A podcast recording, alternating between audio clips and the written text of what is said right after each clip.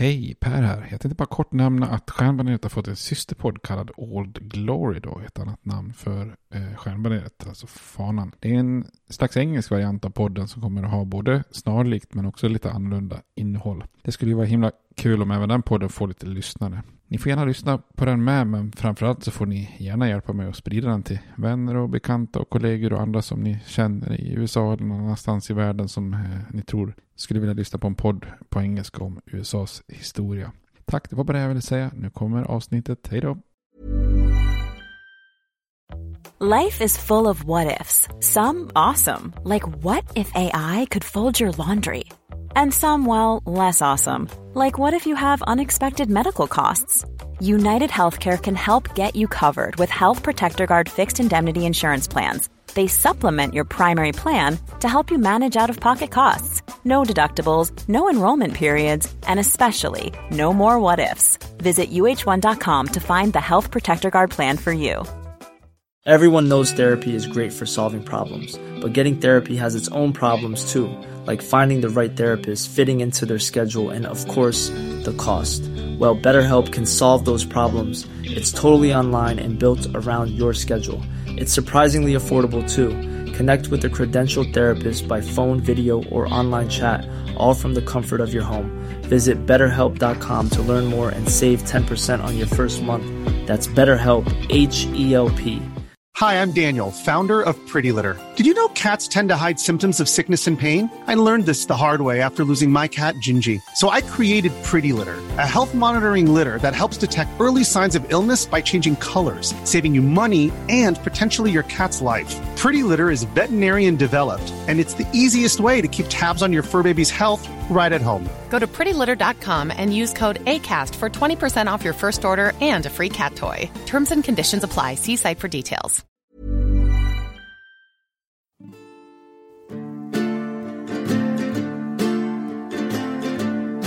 We hold these truths to be self-evident, that all men are created equal, that they are endowed by their Creator with certain unalienable rights, that among these are life, liberty, and the pursuit of happiness.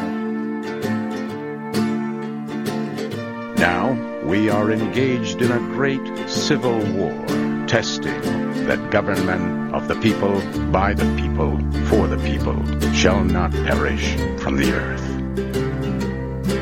And so, my fellow Americans, ask not what your country can do for you, ask what you can do for your country. I have a dream. My four little children will one day live in a nation where they will not be judged by the color of their skin, but by the content of their character. Mr. Gorbachev, tear down this wall. I did not have sexual relations with that woman, Miss Lewinsky. Då säger vi hej och välkommen till Stjärnpanelet igen. En podcast om amerikansk historia. Och eh, speciellt välkommen till dig Robert. Tack så mycket. Hur står det till? Jo, det är bra. Ja, Hur är det själv? det är bara fint. Är du taggad? Ja, det får jag säga. Ja. Nu börjar vi komma in väldigt mycket på mina domäner kan man säga. Ja, verkligen. Ja. Jag, Jag- jag, jag, gillar som- inbördeskrig tänkte jag säga, lät lite fel. Ja, nej men eh, gillar är ju fel från början. Ja. Du älskar ju Ja, inbördeskriget. Inte, inte själva fenomenet. Utan, Nej, ja. jag som känner dig ganska bra vet att eh, ja, nästan alltid har varit en, en favoritepok i historien och speciellt i den amerikanska historien då, för Ja. dig. Så nu börjar vi närma oss. Mm. Det, här var, det här var väl min inkörsport till amerikansk historia. Ja, det måste det ha varit, va? Jag tror det. Ja. Faktiskt. Men eh, vi har ju eh, eh, lite grann kvar här. Vi ska ju avklara 1850-talet som blir väldigt präglat mellan de här eh, konflikten mellan nord och syd då, eh, innan själva kriget bryter ut. Eh, och då kan man säga så här att 1850 så då har slaverifrågan lett till en konfrontation mellan nord och syd politiskt och där Södern hotar om att lämna unionen, många börjar prata om inbördeskrig och så vidare. Men så lyckas man då avvärja den här katastrofen med en eh, stor kompromiss. Det brukar kallas för den stora kompromissen 1850. 1850 då. Men för facit i hand så var det ju enbart att man fördröjde kriget. Men det visste man ju inte då. Många trodde att man hade hittat en permanent lösning på hela konflikten då så att säga. Men den här kompromissen innehåller ju massa olika frågor som på ett eller annat sätt berör slaveriet som ju absolut inte liksom bara har ploppat upp där och då utan som har en lite längre historia tillbaks. Eh, och vi har ju eh, medvetet valt att liksom hitta, berätta historien här om 1800-talet, eh, första hälft och, och så vidare utan att lägga in de här. För vi, alltså, vi har hoppat över en del av de här händelserna som har med eh, konflikter mellan nord och syd. Så det här avsnittet är tanken att vi går backa bandet lite grann och så bara titta vad är det för frågor och vad är det för händelser som har hänt här fram till 1850 och sen så tar vi vid då 1850 nästa avsnitt. Yes. Först ska du väl rekommendera en öl då? Ja, precis. Till det här avsnittet. Ja. Och, och nu, tills idag har vi inte heller eh, pratat ihop oss på något sätt. Så det ska bli spännande att höra. Ja, jag tänkte vi ska prata om någonting som kallas för Missouri-kompromissen. Mm. Eller Missouri-konflikten, men framförallt Missouri-kompromissen. Och när jag började fundera på Missouri, då, där finns ju St. Louis. Så mm. att, eh, då tänkte jag så här, hmm, där, där gör man ju Budweiser. Så jag tänkte först ska man ju rekommendera något så amerikanskt som en Bud bara. Ja. Men så vart jag tänka på den här kompromissen handlar ju både om Missouri och Maine. Och där finns ju bra. Jag vet inte om vi har rekommenderat innan, men vi kanske har rekommenderat eh, de här bryggerierna från Maine. Sea Dog och Shipyard. Jajamän. Det har vi varit inne på, ja. ja. för de har ju faktiskt, nu när vi börjar närma oss inbördeskriget, så har de ju faktiskt en Chamberlain Pale Ale efter en eh, Joshua Chamberlain som var lärare och sen blev guvernör i Massachusetts. Men som framförallt är känd för att han ledde det 20 Maine längst ut på vänsterflanken under slaget vid Gettysburg andra dagen, dag två, andra juli. Så att det eh, fanns en inbördeskrigslänk där direkt till ölen. Liksom. Ja, ja. Och det ölet har vi inte nämnt, och det vet jag, även om har nämnt om det är två bryggerier. Ja, precis. Ja. Ja, nej, det var eh, längre så kom jag till mitt resonemang. Nej. Du kanske har något bättre med det? Nej, nej, det tycker jag inte att jag har. Jag är missnöjd med mitt ölval här också. Men det är kul att du nämner Missouri. För jag ska djupdyka lite i eh, just Missouri. Ja, trevligt. Eh, nej, jag, jag vet ju att du också kommer ta upp eh, den här slavskeppet då. La Amistad. Som eh, där slavarna kastar sina eh, kaptener över bord, tänker jag. Mm. Eh, och tar kontroll över skeppet. Eh, och jag var inne på det spåret då och sökte. Och då hittade jag ett bryggeri som heter Amistad. Jaha, okej. Okay. Eh, du kan aldrig gissa vilket land det ligger i, det här bryggeriet. Du har aldrig druckit ett, ett öl eller en öl därifrån heller. Rumänien. Har du druckit rumänsk öl någon gång? Jag tänkte hugga till med Honduras innan. Ja. Så, ja. Jaha, men vadå? Äh, rumä, alltså, rumänska är ju ett... Äh, Latinskt språk ja, va? Ja. Äh, stavas det precis som spanskans? Ja. Jaha, okay. Och det, vad jag kunde läsa mig till så äh, ville de ha den betydelsen också då. Att det är två personer som har startat som hembryggare och sen gått över och brygger och kommersiellt. Ja, okay. Och eh, vänskap då mellan dem. Ja, det. Det. är väl det det betyder, Amistad. Ja, ja. Det, Ja, vad spännande. Ja. Nej, jag tror faktiskt inte jag har druckit någon Nej, inte jag heller. Och det lär nog inte att gå att få tag på dem om man inte är i den regionen, skulle jag tro. Det går nog inte att beställa till Systembolaget till exempel. Nej, ja, det, vet, det kanske går. Men, men det såg väldigt proffsigt ut, alltså logotyperna och loggorna på flaskan och eh, hemsidan och där såg proffsigt ut tycker jag. Ja, okej. Okay. Ja. Spännande. Så det är nog ett välfungerande ja, mikrobryggeri skulle jag tro att det är ändå. Det är inget av de stora. Okej. Okay. Så om ni lyckas få tag på. Ja, precis. Då får ni mejla podden med, ja, med recension. Verkligen. ja, ja. vad bra. Det var okej okay, öltips ändå. Ja, lite. ja, lite långsökta. Men det är, det är, inget man kan få tag på något eh, av de här kanske. Inte, inte din Chamberlain heller. Nej. Men om vi kastar i min Bud, då var det stort spännvidd på rekommendationer mellan en rumänsk och en Bud. Ja, väldigt, väldigt. ja, det är bra.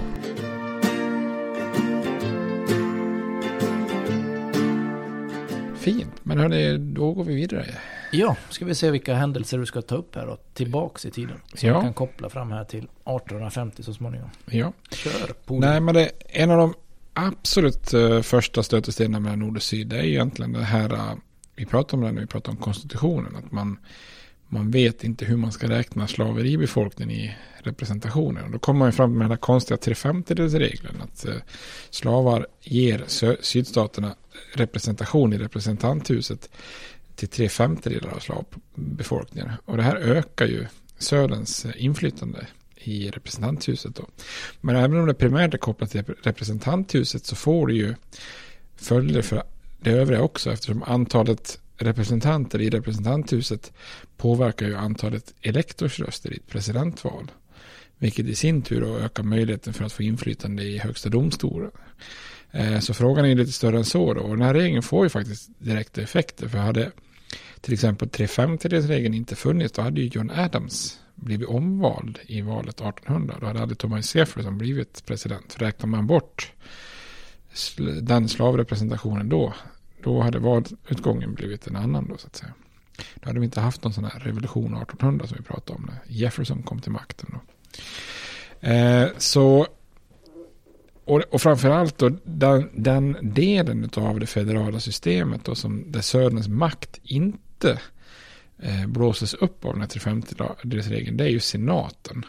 Eh, för senaten var den här kompromissen, alltså den federala kompromissen, att där skulle det vara två senatorer från varje delstat oavsett hur stor den är.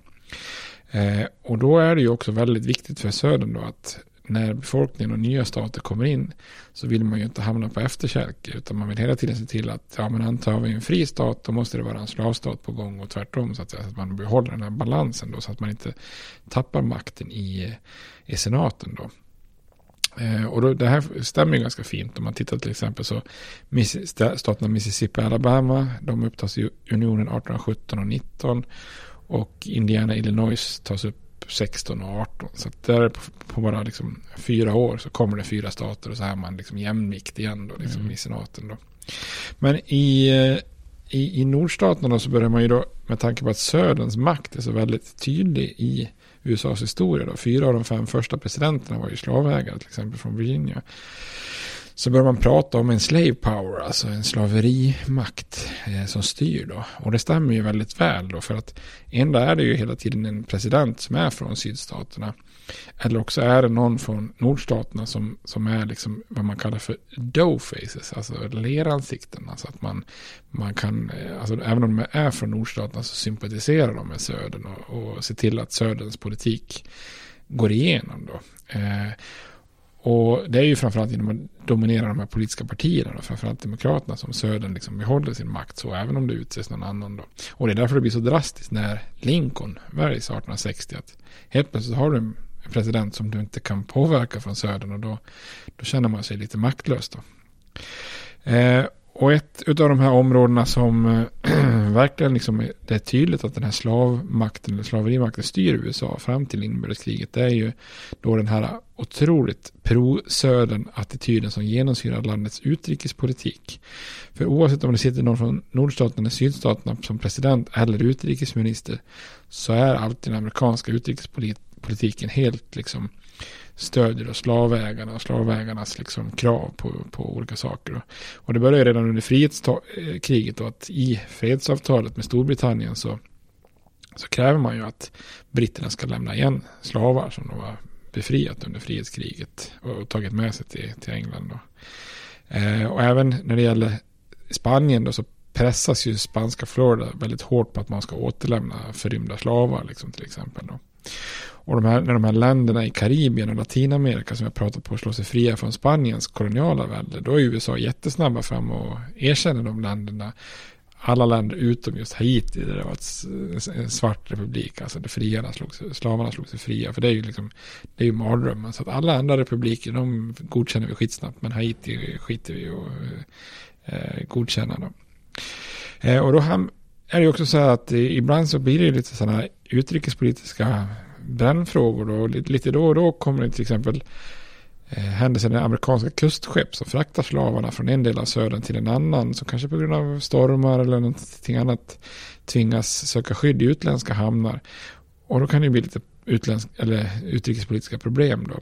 Eh, till exempel då när brittiska myndigheter på, på Bahamas eh, alltså anländer man i Bahamas då kan brittiska myndigheter befria slavarna eftersom slaveriet har avskaffats i Storbritannien eh, 1933, eller det vill säga 1833. Och då vägrar man ju ersätta amerikanska slavägare. Och ett av de kändaste fallen här då, det är ju inte Lamistad, utan det är skeppet Creole. Som 1841 så är det skeppet på väg från Virginia till Louisiana med tobak och 135 slavar ombord. Eh, och 19 slavar då, eh, ledda av en man med det helt fantastiska namnet Madison Washington. helt lysande namn. Ja, Madison Washington, har vi två presidenter där. Eh, Madison Washington, låter som att prata om båda dem. Liksom. Men den här, den här mannen då.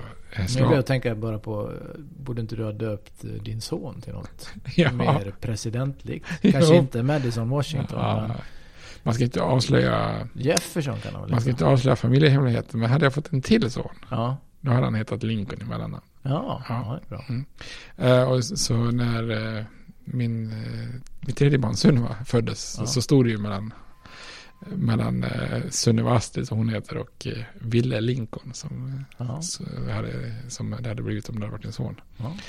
Nej, mitt, eh, min son, han, hans mellannamn har ju, är ju efter min pappa. Så, att, ja. ja. så det, då var det upptaget. Men nästa hade jag kunnat skänka till Lincoln. En av våra gemensamma kompisar Henrik uppe från Sundsvall. Hans eh, son heter ju Lincoln. Ja, men det var inte efter ett president. Nej. Nej, det var efter, efter Eller heter han bara Link? Link. Nej, Nej heter han heter Lincoln. Ja, ja coolt. Ja. Det är bra namn. Ja, det. Ska han ha cred för, även om uh, ursprunget, ja, ja, ja, ja. oavsett härstammet. Men den här fantastiska, det fantastiska, han kanske inte var så fantastisk som Nej, person, men, men, men namnet Madison Washington då, tillsammans med 19 slavar, de gör revolt, eh, dödar eller skadar besättningen och tar kontroll över skeppet. Och sen så tar man skeppet till Nassau då, i hamnen där i Bahamas. Ja, och då väljer brittiska myndigheter att först frige slavarna och sen i brist på bevis så även de här som har gjort myterier ombord så man friger alla då. Och i södern blir man ju då rasande. Det blir liksom en diplomatisk kris på en gång då.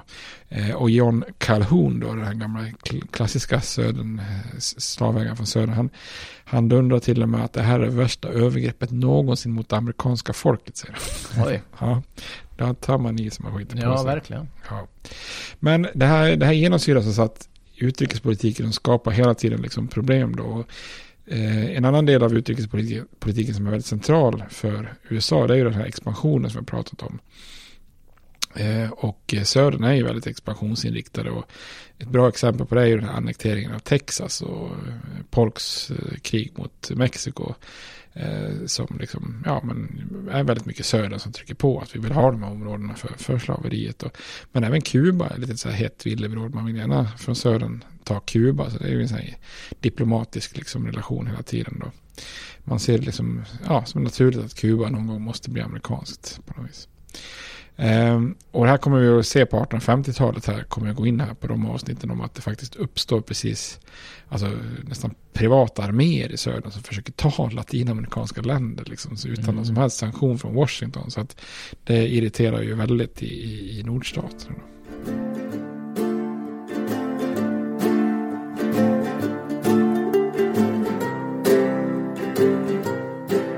Men den, den frågan som kanske mest het och som liksom verkligen blir den stora stötestenen mellan nord och syd, det är det här huruvida slaveriet ska sprida sig till nya territorier. Eh, och det här är kanske det som framförallt förknippas med liksom upptakten av, av inbördeskriget. Och den här expansionen västerut startade redan när Virginia som koloni avträdde sig, eller som ny stat avträdde sig områden liksom västerut där. Och då är det ju en kommitté av Thomas Jefferson som ska ge ett förslag på hur de här territorierna i väst ska organiseras och hur processen ska se ut för att bli en delstat. Då. Eh, och ett förslag i, i, eller en del i hans första förslag var att slaveriet helt ska förbjudas i alla territorier västerut. Eh, Eh, och det stryks med alltså minsta möjliga marginal. Här, här hade liksom USAs eh, utveckling kunnat te sig lite annorlunda ut. För enligt de här, den här första konstitutionen, eller ja, konstitutionen, alltså, konfederationsartiklarna, alltså inte nuvarande konstitution, så krävdes det att sju stater röstar för ett förslag. Och, eh, och att minst två delegater från varje delstatsrepresentation var närvarande. Och när det här förslaget ska röstas på då så är det Eh, få förbjuda slaveriet i alla territorier i västerut så är det sex röster för och tre emot. Så det är, liksom, det, det är en delstat som fattas. Och då är det då är Nor North Carolinas delegation splittrad jämt. Så hade det varit en till för så hade det också blivit en röst för. Och eh, New Jerseys delegation hade bara en delegat närvarande. Så i teorin så var det en person fattades för att kunna liksom få igenom det här. Och då hade det kanske, ja, då hade det liksom blivit eh, en, en, annan utveckling då. Mm. Men istället så blir det så att man organiserar bara det nordvästra territoriet 1787. Ehm, och det är alltså de framtida staterna Ohio, Indiana, Illinois, Michigan. Eh, Illinois, Michigan. Och där vinner ju slaverimotståndarna en av sina absolut främsta segrar eh, under hela perioden fram till inbördeskriget. För att då eh, inkluderar man en skrivning som säger There shall be neither slavery nor involuntary servitude in said territory otherwise than in punishment of crimes whereof the party shall have been duly convicted. Och det där uttryckssättet kommer man att inkludera i alla typer av lagar där man förbjuder slaveriet. Då. Men ungefär samtidigt så organiserar man också det syd västra territoriet då. När North Carolina avsäger sig sina anspråk där. Och det är ju då framtida stater som Kentucky, Tennessee, Alabama och Mississippi. Och då skriver man inte alls in någonting om slaveriet då. Så då är de områdena öppna för slaveriet. Så att man kan säga redan från början har USA etablerat en praxis av att ha en dubbel policy där så fort man expanderar västerut så blir det fria stater nord, nord om en viss gräns och så slavstater söder om den här gränsen då. Så man kan säga att den här, först fanns det en gräns då, som kallas för Mason-Dixon line mellan Delaware och Maryland och upp mot New Jersey, Pennsylvania. Den dras ju då nu västerut längs eh, Ohio-floden då som är Kentuckys norra gräns hela vägen fram till Mississippi då. Och så länge USA bara består av av territorier fram till Mississippi-floden så har man ju löst det då. Det är fritt i norr, slaveri i söder då. Men när Thomas Jefferson blir president så har vi pratat om att då helt plötsligt så, även om allt territorier är nu organiserat efter någon princip där så köper ju han det här Louisiana-området från Frankrike då, från Bonaparte, mm. eh, Napoleon. Eh, apropå Napoleon, har du, vet du det, har, har du koll på det? Varför hade han alltid handen innanför Nej, där finns det ju flera teorier om det. Ja, det gör det. Jag såg en bild nyligen. Jag måste nästan försöka få ta reda på varför, varför, varför gjorde han så? Det är så jävla fult. Det är så många som härmar också. Ja, det är trendsättare. Antingen, ja, precis. Antingen var det ju att han ville göra en grej av det. Att han skulle sticka ut, att man skulle känna igen Napoleon då på målningar och så. Att det var hans signum kan man ju tänka sig. Eller så kan det ju varit att han hade en defekt på, på handen på något sätt. Ja kan ju ha varit att han hade reumatism eller något. Den skakade lite eller att den var lite ihop, ihoptryckt liksom. Ja. Så det finns väl olika teorier om det. Okej. Okay. Mm. Ja, ja. Ja, jag är bättre än han den där stollen som har tagit kort på sig själv överallt framför olika monument och alltid släpper ut snabeln så att säga. Jaha. Nej, jag vet inte vad du söker på för att hitta de här grejerna. Eller kommer, kommer de bara till? Ja, de, ja, jag sökte på American History. Nej. Mm. Nej, men nästa steg. Hur ska du hitta tillbaka nu från det? Nej, jag vet inte. Vart var vi? Louisiana territoriet? Ja, ta det. Eh, jo, nej men det det vart jag tänka på de som åker runt med en tomte. Trädgårdstomte. Som de hade snott ja, och skickat ja, vykort. Ja, det var fantastiskt också. Ja. Det är en bra prank. Ja. Nej, Louisiana-territoriet då. Eh, när, när Thomas Jefferson blir president då är ju allt organiserat. Men när han köper Louisiana då måste man ju börja bestämma också vad ska gälla för slaveriet då i de, eh, de territorier som, som inkluderas i det området då. Eh, och då finns det en rad federalister från nordstaterna som både liksom motiverade partipolitik men också av slaverimotstånd som började börjar ifrågasätta slaveriets eh, spridning. Då. Eh, och då försöker man driva igenom ett förslag om att ja, gradvis måste slaveriet avskaffas eller också måste det inte sprida sig dit helt enkelt. Och då hette det till 1820 och det gick vi aldrig igenom när vi pratade om 1820-talet då. För 1820-talet kallades ju för the era of good feelings. Alltså partipolitiken dog ut lite under en kort period då.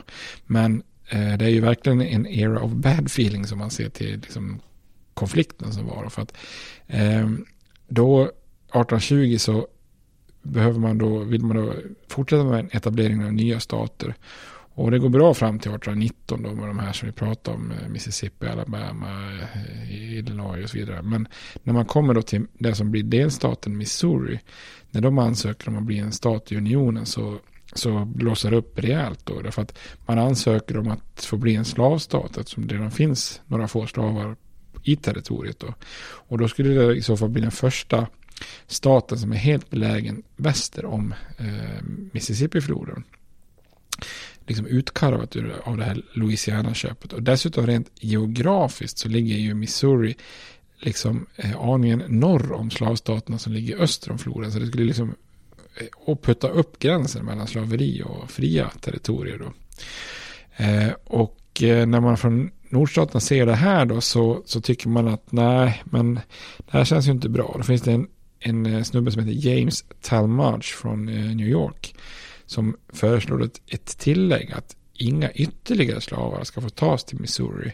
Och alla slavar som föds från och med nu då ska bli fria vid 25 års ålder.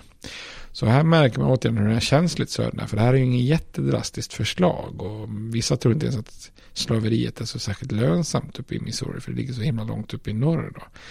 Eh, men på något vis så är det ju så att Söderns delegater brusar upp väldigt mycket och tycker att nej, men det här är inte alls acceptabelt. Ska kongressen kunna förbjuda slaveriet? Nej, alltså vi anser att enligt konstitutionen så kan vi ta vårt, våra slavar vart vi vill i territorierna och ha rätt att få vår egendom skyddad. Då. Så det blir lite, ska man säga, vad kan man säga, värmeväxling här i kongressen då. Mm. Det blir väldigt eh, infekterat. Så att eh, nu börjar man höra de här orden om blod och inbördeskrig och unionsupplösning liksom från dag till dag i kongressen. Då. Eh, och då uppstår det här att representanthuset röstar igenom förslaget och senaten stoppar förslaget. Och då får ju södern lite vatten på kvarn att vi måste ha koll på senaten. Det måste ha makt i senaten. Här. Och räddningen kommer ju då när Maine också ansöker om att bli en egen delstat. För hittills har ju Maine bara varit en nordlig del av Massachusetts. Då. Eh, och då kan man då dra igenom att Missouri och Maine blir den 23 och den 24 delstaten i unionen och då får man jämvikt i senaten då.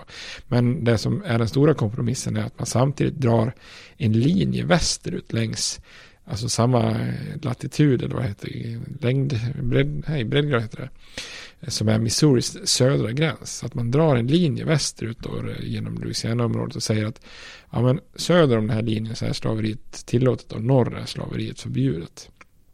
Eh, och det är egentligen väldigt eh, bra förslag för nordstaterna för att det, flesta, det mesta av Louisiana-köpet är ju norr om det här. Då. Och då är det Henry Clay, då, han som försöker bli president många gånger, han, det är han som driver igenom den här kompromissen och det är då han får namn, eller smeknamnet The Great Compromiser för han hela tiden försöker driva igenom kompromisser. Då. Vad är hans namn? The Great Compromiser. Ja, det är, ja, ja. Henry the Great Compromiser. Ja. kan man, det var hans smeknamn. Det var inte något sånt Old Hickory eller? Nej, faktiskt inte. Magician. Nej. Nej. Men du kommer ihåg vad Andrew Jackson kallade för Judas of the West. ja, det är, det. Ja. Men då är unionen räddad här då på 1820-talet. Varken, men varken nord eller syd har egentligen fått svar på den här frågan om kongressen hade, verkligen hade rätt att förbjuda slaveriet i, i, i territorierna. Utan man har liksom bara kompromissat lite, lite löst här. Man har egentligen skjutit upp det här. Ja, lite grann så. Och sen dessutom så har den ideologiska delen hårdnat då. För att innan det här så har ju många slavägare, slav, slavägare i södern sett på slaveriet på ett lite hycklande sätt. Och liksom, ja, det är ett nödvändigt ont. Men nu blir det hård ton. Vi pratade om det i avsnittet med, med mm. södern. Att från den här stunden efter Missouri-kompromissen så då säger vi bara att nej men slaveriet är positivt, det är bra och det ska, ska finnas så att säga. Eh, och, och där finns det ju ganska samtidigt är den här Gabriels konspiration i Virginia. Då, en, en slav som försöker göra uppror, eller konspirera med uppror. Han som blir avslöjad i sista sekund. Tog mm. den, så att säga. Sen kom ju det här tvåpartisystemet då med demokrater och Whig-partiet. Och det kyler lite grann av det här med slaveriet i territorierna då. Båda partierna försöker lägga locket på. Men det här förändras ju sen då när Texas ska bli Eh, eventuellt ska annekteras till USA då. Och det drar ju ut över tio år i tiden som vi pratar om. Det är ju en självständig republik och det är ju väldigt mycket slavfrågan som, som hindrar att Texas blir upptaget i unionen. Och, och Texas-frågan är ju väldigt känslig för södern. För enligt Missouri-kompromissen så är det i princip bara det som blir Arkansas och Texas som ligger söder om den här linjen som man har kompromissats fram då. Eh, så att innan Mexikokriget, när man tar ännu mer territorier, så är det ju, alltså vart ska slaveriet expandera om det inte för Texas liksom, och Arkansas och så här. Så det gör ju att både Andrew Jackson och Martin Van Buren försöker liksom, ja, förhala den här frågan då. Eh, och sen blir det då till slut där att han, John Tyler, som vi pratade om, han med många eh, med, med, levande barnbarn, mm. eh, att det är han som till slut annekterar Texas och det i sin tur leder till Mexikokriget då. Eh, och då kommer vi in i liksom den sista fasen av det här med slaveriet i territorierna och det är vad ska hända med de här nya områdena i Mexiko då. Och det är det som gör att det verkligen tar fart på 1850-talet. Mm.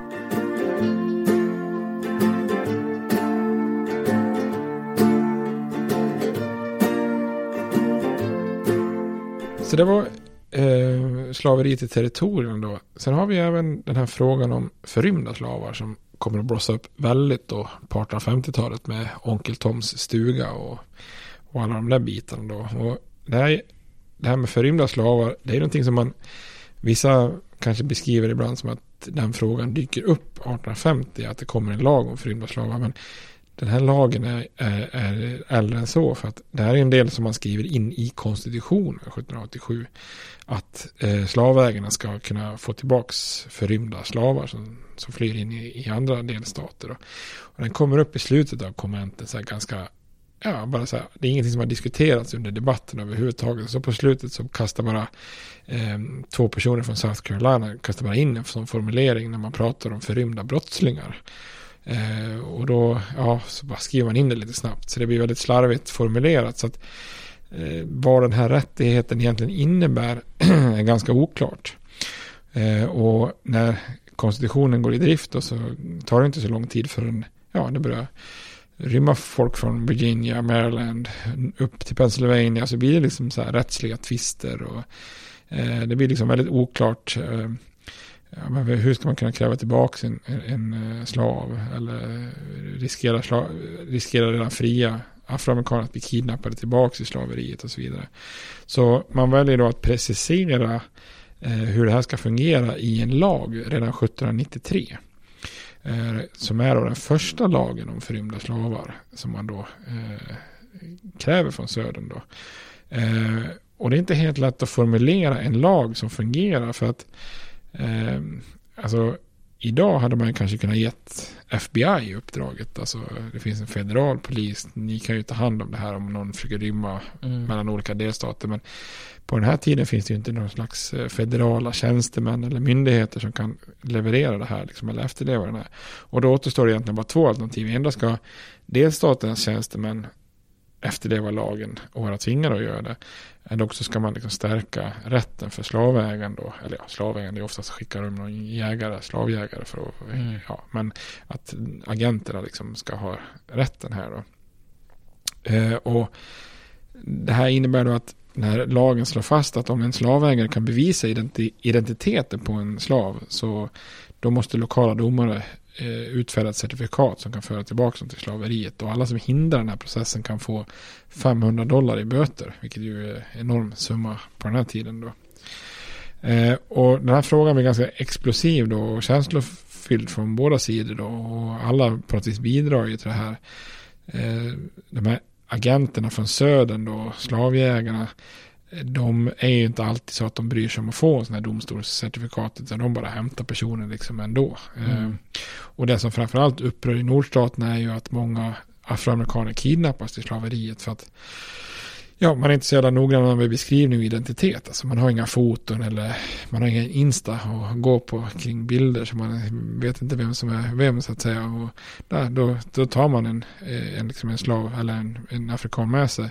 För enligt lagarna i sydstaterna så är man ju slav om man inte kan bevisa motsatsen. Mm. Det är omvänd bevisning att om jag inte har ett papper på att jag är fri då är jag slav så att säga. Ja. Eh, och i nordstaterna då reagerar man ju då på ett sätt som södern blir irriterade på. För då skapar man någonting som kallas för frihetslagar. Alltså att man försöker förhindra kidnappningar. Eh, och då kan det vara till exempel att nej men om någon anklagar en person för att men du är en slav, du ska med hit tillbaka till södern. Då har den personen rätt till en rättegång med jury och sådär. Att, liksom, att det blir juridiskt korrekt. Och, och då blir det ju ofta så att juryn kanske liksom mer går på, på, på den personens än slavjägaren. Så då blir det plötsligt väldigt svårt att få tillbaka en, eh, en förrymd slav. Då. Eh, så det innebär att de här lagarna i nordstaterna nästan liksom på något vis eh, nollställer den här federala lagen. De trumfar så att säga. Ja, precis. Egentligen är det ju federal lag som trumfar, men mm. i praktiken blir det ju delstatslag. Då. Sen är det ju slavarna själva som bidrar väldigt starkt till just problematiken och genom att just rymma. Vi pratade om det här med rymlingar för, för något avsnitt sen då, men eh, många rymmer ju och lyckas fly på, på egen hand då, och många får ju hjälp av den här legendariska Underground Railroad, alltså den här underjordiska järnvägen som den brukar kallas för. Då. Eh, så det är ju tiotusentals slavar då mellan, ja, typ fram till 1850 då. Eh, och ett fåtal av de här är ju så vågade så att de frivilligt beger sig tillbaka söderut för att hjälpa fler att fly. Då. Så de visar ju ett enormt hjältemod där då. En av de absolut mest kända så att säga, konduktörerna på den underjordiska järnvägen var ju Harriet Tubman som är en, en, en kvinna som flyr slaveriet och sen hjälper jättemånga. Då. hon återvände framgångsrikt till södern 19 gånger och sägs ha bidragit till att ha hjälpt över 300 slavar till, till friheten i norr. Då. Mm. I, I viss amerikansk litteratur så kanske man överdriver och säger att den här underjordiska järnvägen väldigt mycket var vita människor som öppnar upp sina hem och lador och att man liksom satt ut lyktor och hjälpte till. Men de har väl kunnat se sen att det kanske väldigt mycket var afroamerikaner som i olika nätverk och mm. muntligt berättande och så hjälper varandra till att, eh, till att fly helt enkelt. Då. Och då är södern sjukt frustrerande för att man har alltså en konstitutionell rätt att återfå sina slavar. Eh, men nordstaterna då, eh, där dessutom de här abolitionisterna uppmanar slavarna att fly, hindrar eh, slavägarna från att utöva den här rätten. Ehm, och när man då i norr anländer för att hämta sin egendom som man säger då så ja, då möts man av en massa hindrande lagstiftning, samarbetsovilliga tjänstemän, ogästvänlig och ibland våldsam befolkning och sådär. Så och då innebär det att man kanske istället då eh, riskerar att dömas för kidnappning och försöker man då inleda juridiska processer för att få ersättning. Alltså kan jag inte få slaven så vill jag ha ersättning men det, det leder inte någonstans det heller. Så när vi kommer fram här vid 1850 då så då har södern tröttnat rejält. Då vill man ha en betydligt hårdare lagstiftning och det är det som leder fram till den, den riktiga infektionen så att säga eh, 1850. Då.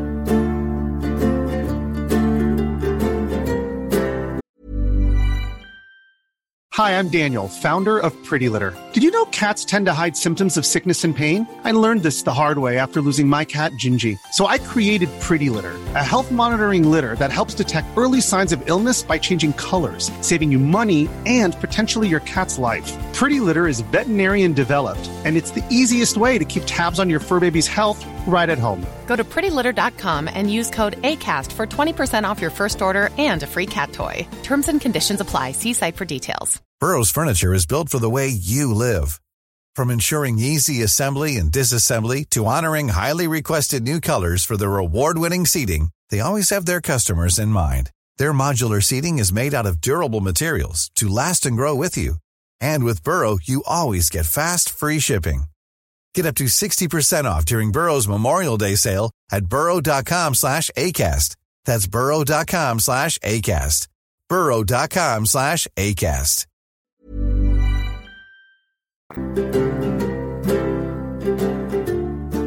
Sen har vi en sån här sten till då som skapar mycket problem och det är ju slavhandeln. Eh, alltså den internationella slavhandeln blir ju en del av konstitutionen. Eh, eh, där man säger att man får förbjuda den internationella slavhandeln tidigast 1807. Det blir en liten eftergift i södern. att Okej, okay, vi skriver in att man får förbjuda men först då efter 1807. Eh, och formellt är inte det något problem för så fort året 1807 infinner sig så uppmanar Jefferson som är president att man ska ta initiativ och i kongressen så tar man initiativ och så röstar man igenom ett eh, slaveriförbud eller ett förbud att importera slavar Eh, och i representanthuset där är det 113 röster för och 5 emot. Så där är det ganska lugnt. Liksom. Mm. Där röstar man igenom. Men, men om lagen liksom är imponerande så är efterlevnaden väldigt bristfällig. För det är lite oklart, men mellan 1807 och eh, inbördeskriget så det är väldigt mycket gissningar kring hur många som faktiskt smugglas in i landet. Men de som tror lågt tror ungefär 50 000 och de som tror högst tror på ungefär 250 000. Så det är rätt så många som, som kommer. Och det är ju kanske framförallt för den här bomullsexpansionen. Det är så lukrativt att ha slavar så man priset blir så högt på slavar så att då är det ju värt att chansa. Mm. Sen är ju då också amerikanska, den amerikanska delaktigheten i den internationella slavhandeln är väldigt ljum. Så Storbritannien som är väldigt aktiv i kampen mot de här slavskeppen eh, ger ju väldigt mycket kritik mot USA. Att ni efterlever inte detta för överhuvudtaget. Då. Eh, man, man liksom driver inte igenom något direkt dödsstraff smugglingsbrott och sådana där saker. Då. Och det brukar man säga så här. Eh, det är inte så konstigt. Södern styr väldigt mycket utrikespolitiken som vi pratar om. Och det här med att handla med slavar, det blir liksom lite för likt att äga slavar. Så kritiserar du det ena, då blir det ju, ja men då kanske man ska kritisera det andra. Så det, då kritiserar vi ingenting av detta. Liksom, så men det kändaste fallet då kring slavhandel, där slavhandel är involverat, det är ju just eh, fallet med Amistad. Då, eller mm. La Amistad. Eh, som ju betyder vänskap som vi pratade om innan. Eh, det är ju det är jävla dumt namn på ett slavskepp. Ja. Vänskap, det borde heta El Infierno, helvetet större. eh, men det här skeppet La Amistad då, den här kontroversen utspelar sig då sommaren 1839. Eh, då lämnar ju skeppet eh, Havanna på Kuba eh, för att segla till en annan del av Kuba Eh, där, där slaveriet eh, är tillåtet på Kuba. Eh, och ombord finns då 53 ganska nyligen importerade afrikaner. Jag tror att de heter Mendefolk, att de pratar Mende. Jag tycker jag känner igen det från filmen.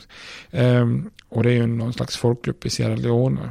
Och under den här seglatsen så gör ju de här slavarna revolt och tar kontroll över skeppet.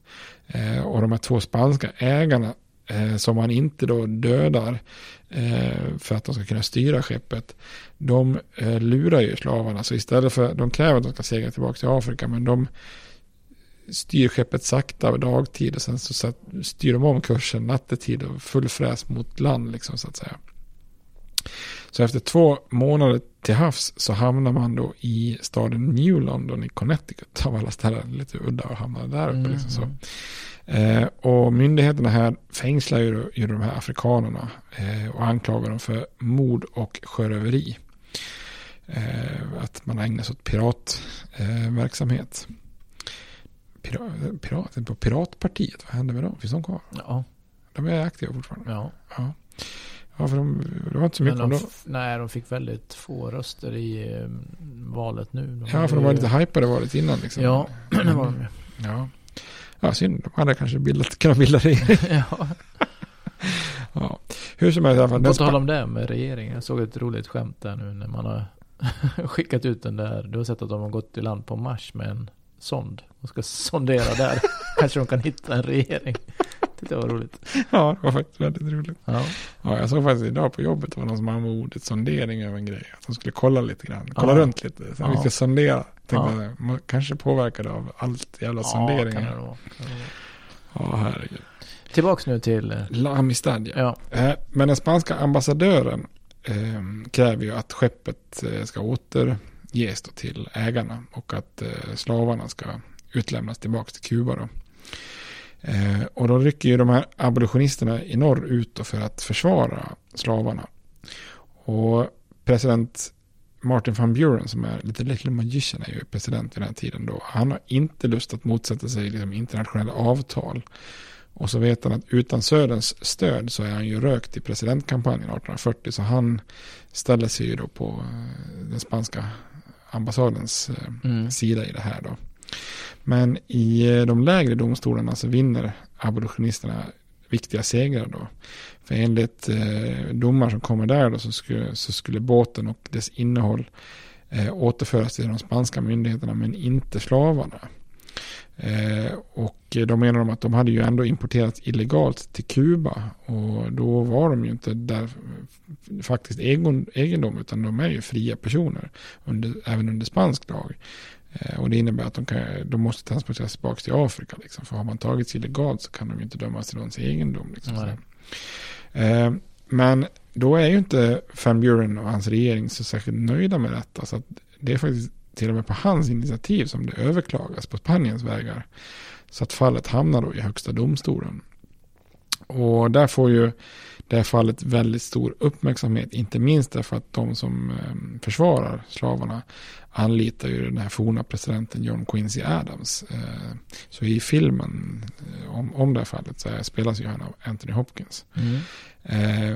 Och han håller ju då till exempel en åtta timmar lång plädering där han liksom då kritiserar Van Burens regering för att gå slavägarnas ärenden där. Han, han gör sig inte jättepopulär i södern då. Men 1841 så dömer högsta domstolen i fallet då United States versus La Amistad att slavarna varken var slavar eller pirater utan fria personer som har kidnappats i sitt eh, hemland och eh, hållits illegalt ombord på Amistad.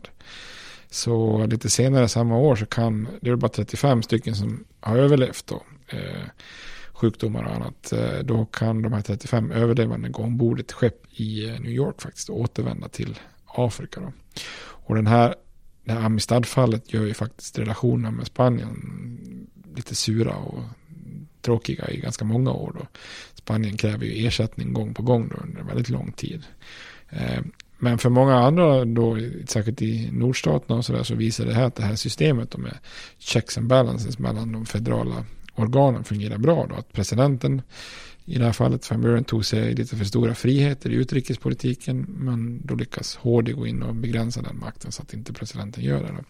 Lite grann vad man kan eh, tänka om situationen idag när Trump föreslår vissa saker och domstolar direkt säger nej, det, det kan du inte göra. Då. Men som, kommer vi se, som vi kommer se, då, så de allra mest militanta slaveriförespråkarna på 1850-talet de driver ju till och med en kampanj för att öppna upp slavimporten och häva det här förbudet från 1807 sen. Så att där ser man också där det går helt stick i mm. stäv och eh, går åt olika håll mellan, mellan nord och syd.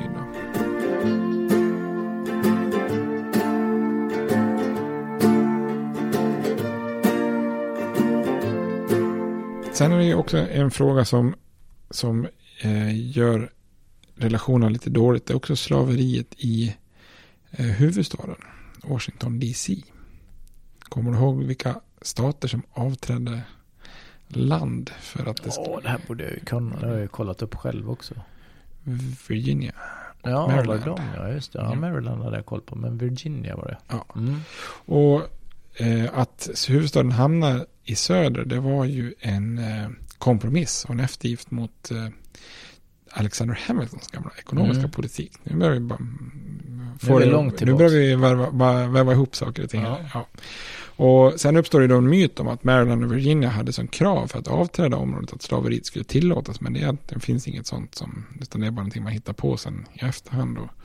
Men för slaveriet blir ju liksom av praxis tillåtet i, i DC och det är ju givetvis en, en fördel för slavägarna att eh, blir du invald i kongressen eller får något jobb i Washington så kan du ta med några hushållsslavar som, som man kan ja, ha där då, utan att riskera att någon lokal domstol eller någon eh, förklarar dem fria. Liksom, så, så att då kan man fortsätta få sin skjorta stycken och sin favoritmat av kocken och ja, allt sånt där. Och det är praktiskt då.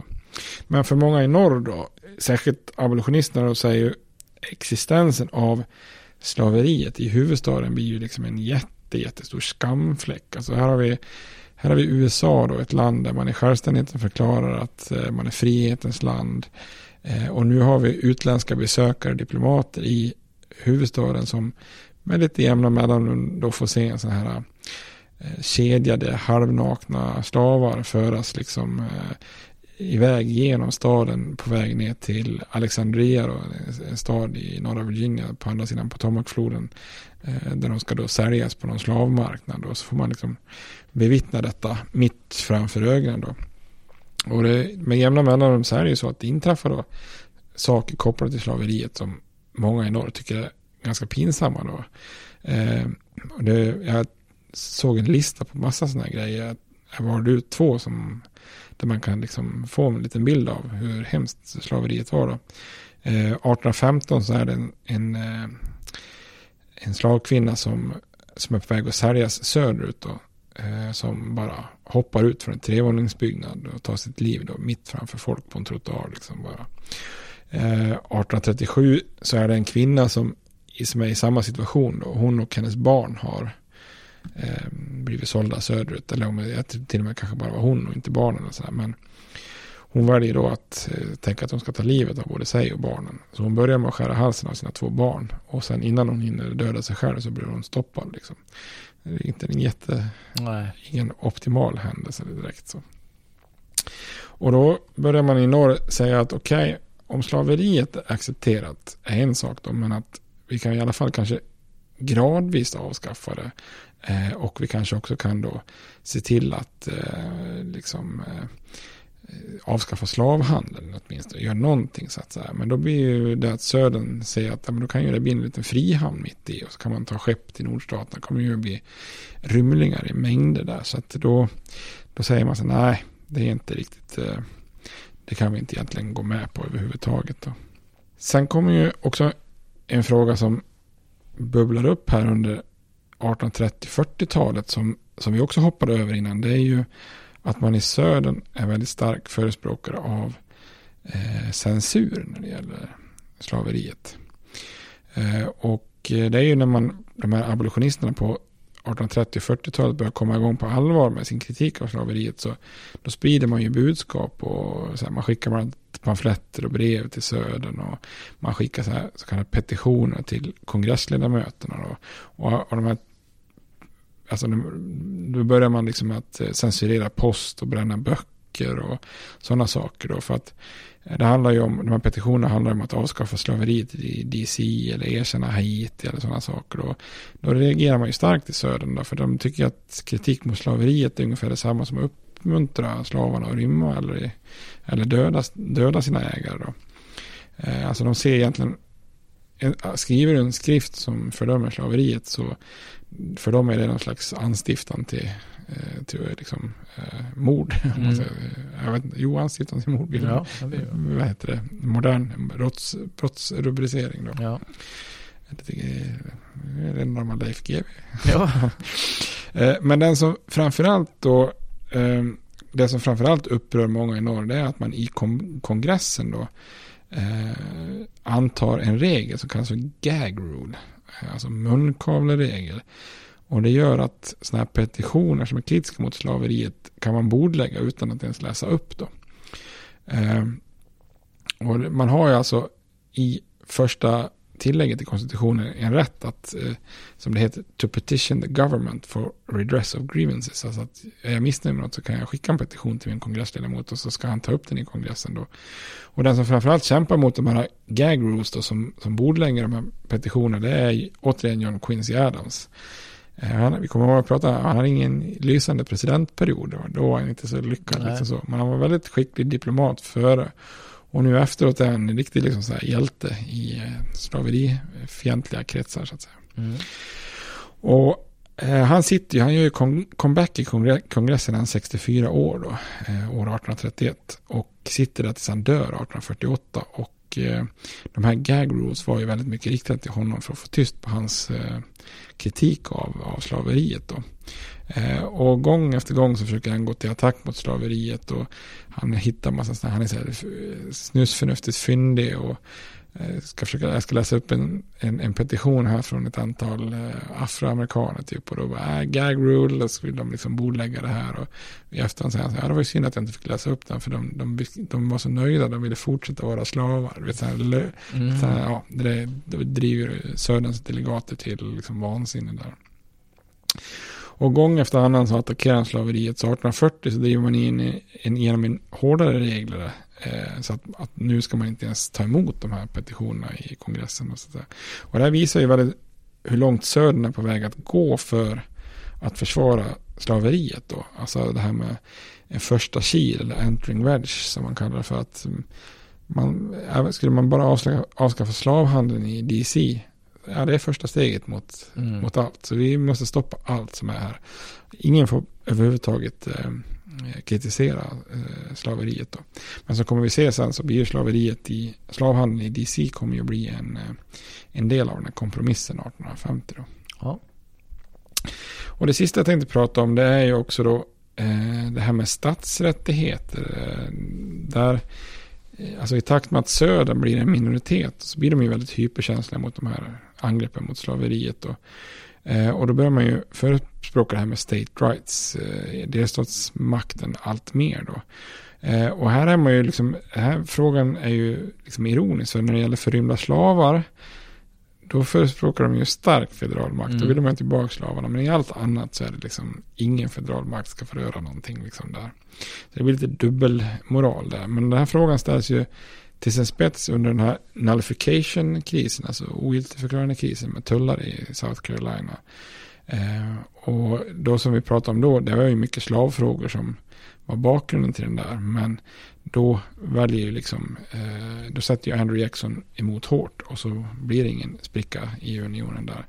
Men det här blir ju liksom successivt en förhårdning i retoriken. Så när vi kommer fram till 1850, då har ju South Carolina lärt sig läxan att ensamma gick det inte så bra. Nej. Så nu när det liksom blossar upp igen 1850, då börjar man kalla till sådana här konvent i södern där man vill, då vill man se till att få med sig de övriga i lägre mm. södern. Då. Så att där har man liksom också en, en, en bricka som är väldigt, eh, ja, ska man säga, eh, som man kan ha med sig in där till, till 1850.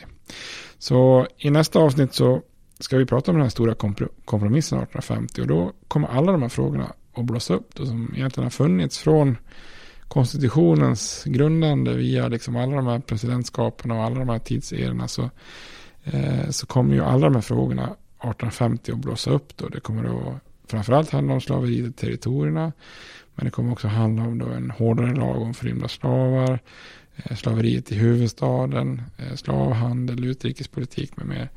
Ehm, och det här är ju, tycker jag är viktigt att förstå därför att när man läser en del böcker så då är det ungefär så här. Man beskriver USAs historia fram till Mexikokriget. Mm. och sen helt plötsligt så bara efter Mexikokriget så beskriver man 1850-talet bara som att ja, det är då nord och syd glider isär och mm. det är då frågorna uppstår. Men man kan ju se att det finns en helt röd tråd, alltså från det att USA skapas till inbördeskriget så är den liksom en väldigt svag union. Det är hela tiden ytterligare ett litet steg hela tiden på eh, där nord och syd skiljs åt. Både att man går skilda vägar och att retoriken hårdnar så att säga. Så att konflikten som uppstår efter Mexikokriget på 50-talet kommer liksom inte från något tomma intet utan det är massa frågeställningar som, som liksom kommer till sin spets och som sen som vi kommer att komma in på det går inte att lösa helt enkelt. Nej.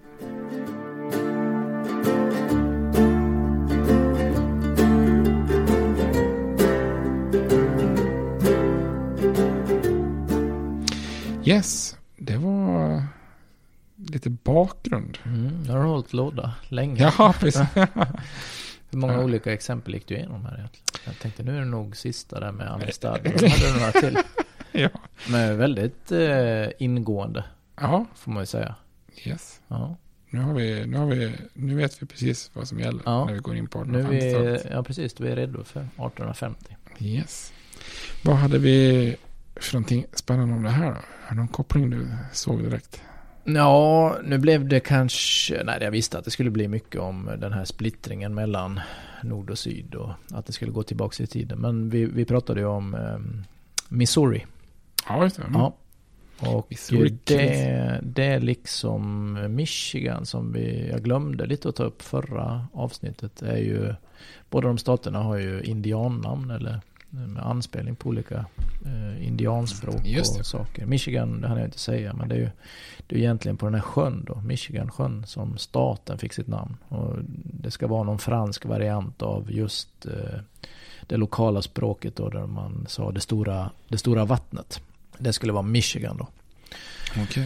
Och här när vi är Missouri, man kan ju tänka att det skulle vara, ha något med misery att göra eller något. Att det är eländigt. ja, ja, ja. Men, eh, men vi pratar vi, du har ju bättre koll på vilket avsnitt vi säger saker och ting. Jag vet bara att vi har pratat om det. Men Sioux-indianerna. Och här kommer ju då Missouri. Så det här anspelar också på själva folket. Då, Jaha, det där. Ja, det är nord, nordligare delarna. Missouri borde väl räknas till en av de här prärie... Ja, precis. Det börjar ju i princip nästan väster om Mississippi-floden så att säga. Så att, ja. ja. Men eh, ja, vad spännande. Ja, nej, det, måste, vilket, det måste vi pratat om i avsnittet med Oregon och Ja, det kan det varit. Vagnskaravanerna västerut. Kanske? Ja, kanske. Eller Texas. sjukt att det har blivit så många avsnitt tycker jag. Ja, det finns mycket att prata om. Ja, ändå Robert, nu måste du förstå, vi skummar ju bara på ytan. Ja, jo, jag förstår det. Jag, förstår det. jag försöker räkna framåt lite också där att det kan väl bli så att eh, 1865 då, det femte avsnittet om inbördeskriget, blir vårat femtionde avsnitt eller? Det borde det bli om vi, om vi håller oss till Om schemat och inte kastar schema. in något annat. Nej. Ja, nej, men det kör vi på. Det vore ju väldigt snyggt. Ja, det vore fint. Ha någon sorts, kan vi fira lite där. Ja, precis. Nej men om vi fortsätter med Missouri då. Vi ska inte gå in jättemycket på de här Sioux-indianerna, alltså prärie-indianerna. Men Kansas City och St. Louis har ju du nämnt. Eh, Jag blev bara kolla lite. St. Louis är väl mest känt för den där bågen. Den där eh, som monument, den här The Arch. Jag kommer inte ihåg vad den heter. Ja, alltså, ja, är Och jag försökte liksom titta vad det hade att göra med. Men det var väl att Missouri var väl då porten västerut Ja. på något sätt. Jajamän. Och den där bågen skulle symbolisera det på något sätt. Mm. Okej, ja, ja, ja. ja för St. Louis har du inte varit i? Vi pratar, nej, vi pratar ju om eh, att Daniel Boone, den första västern, Mm. han flyttade ju, då flyttade han till och med innan det tillhörde USA. Ja. I spanska Missouri så att säga. Ja. Och sen så när vi pratar om de där enorma mm, avstånden som trupperna tog sen i Mexikokriget så Mm. Då mm, var det ju den längsta marschen, det var ju att man startade i Independence, eh, Missouri liksom. Ja, just det. I den staden. Så Ja. jag tror att den staden var väl den sista. Sen var det bara ut på prärien liksom. Ja. Utan något. Så, att, eh, Ja, precis. så det kan väl, det borde ju vara en rimlig symbolik tycker jag. Så det blir den ju, bort- den kallas då The Gateway to the West. Ja, okej. Ja, och sen har vi väl, nu kommer vi väl komma till eh, Gateway to the South, är väl Atlanta då, eller? Ja, precis. Ja. Men det är ju under kriget sen. ja. ja. Eh, lite kända personer, Jesse James Mhm. är från Missouri. Mm, just det.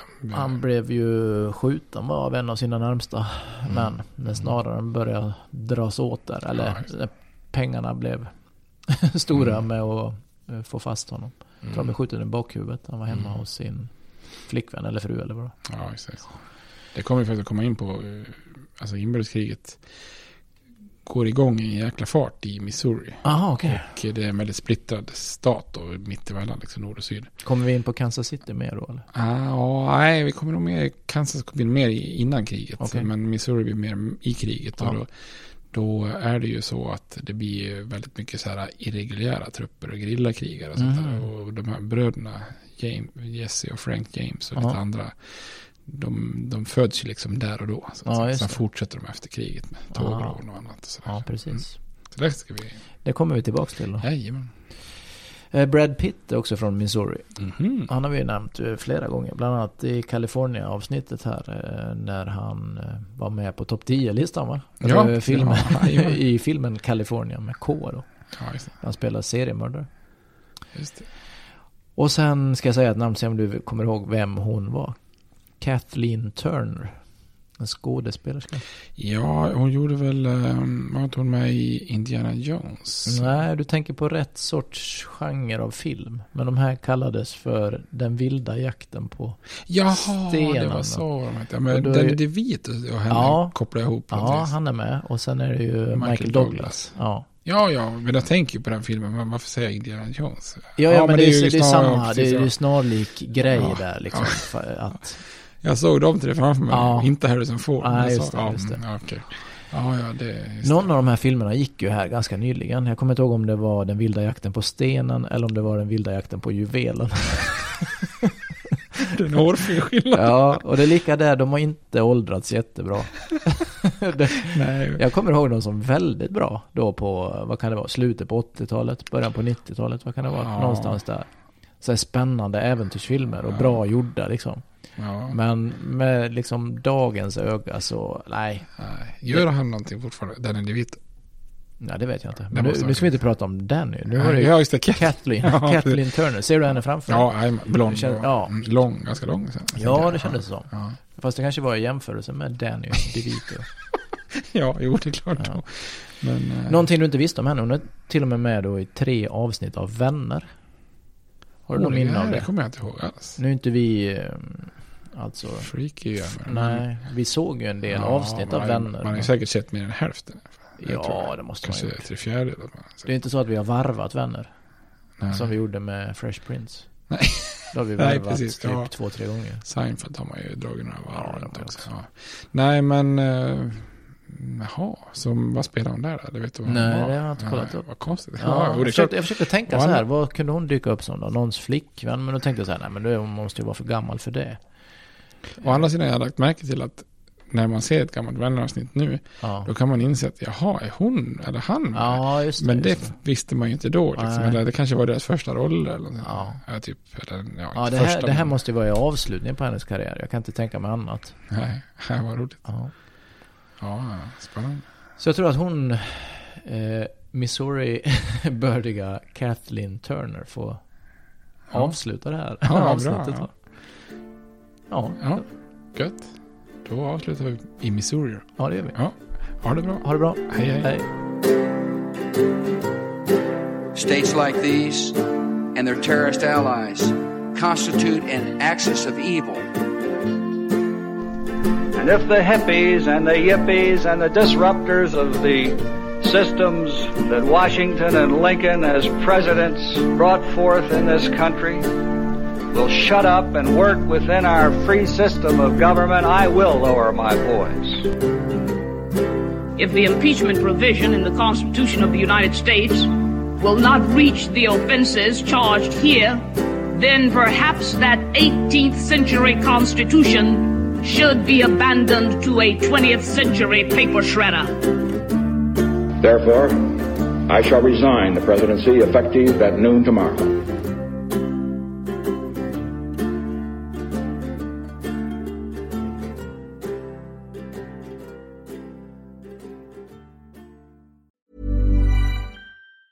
Planning for your next trip? Elevate your travel style with Quince. Quince has all the jet setting essentials you'll want for your next getaway, like European linen, premium luggage options, buttery soft Italian leather bags, and so much more. And it's all priced at 50 to 80% less than similar brands. Plus, Quince only works with factories that use safe and ethical manufacturing practices. Pack your bags with high-quality essentials you'll be wearing for vacations to come with Quince. Go to quince.com slash trip for free shipping and 365-day returns. Hi, I'm Daniel, founder of Pretty Litter. Cats and cat owners deserve better than any old fashioned litter. That's why I teamed up with scientists and veterinarians to create Pretty Litter. Its innovative crystal formula has superior odor control and weighs up to 80% less than clay litter. Pretty Litter even monitors health by changing colors to help detect early signs of potential illness. It's the world's smartest kitty litter.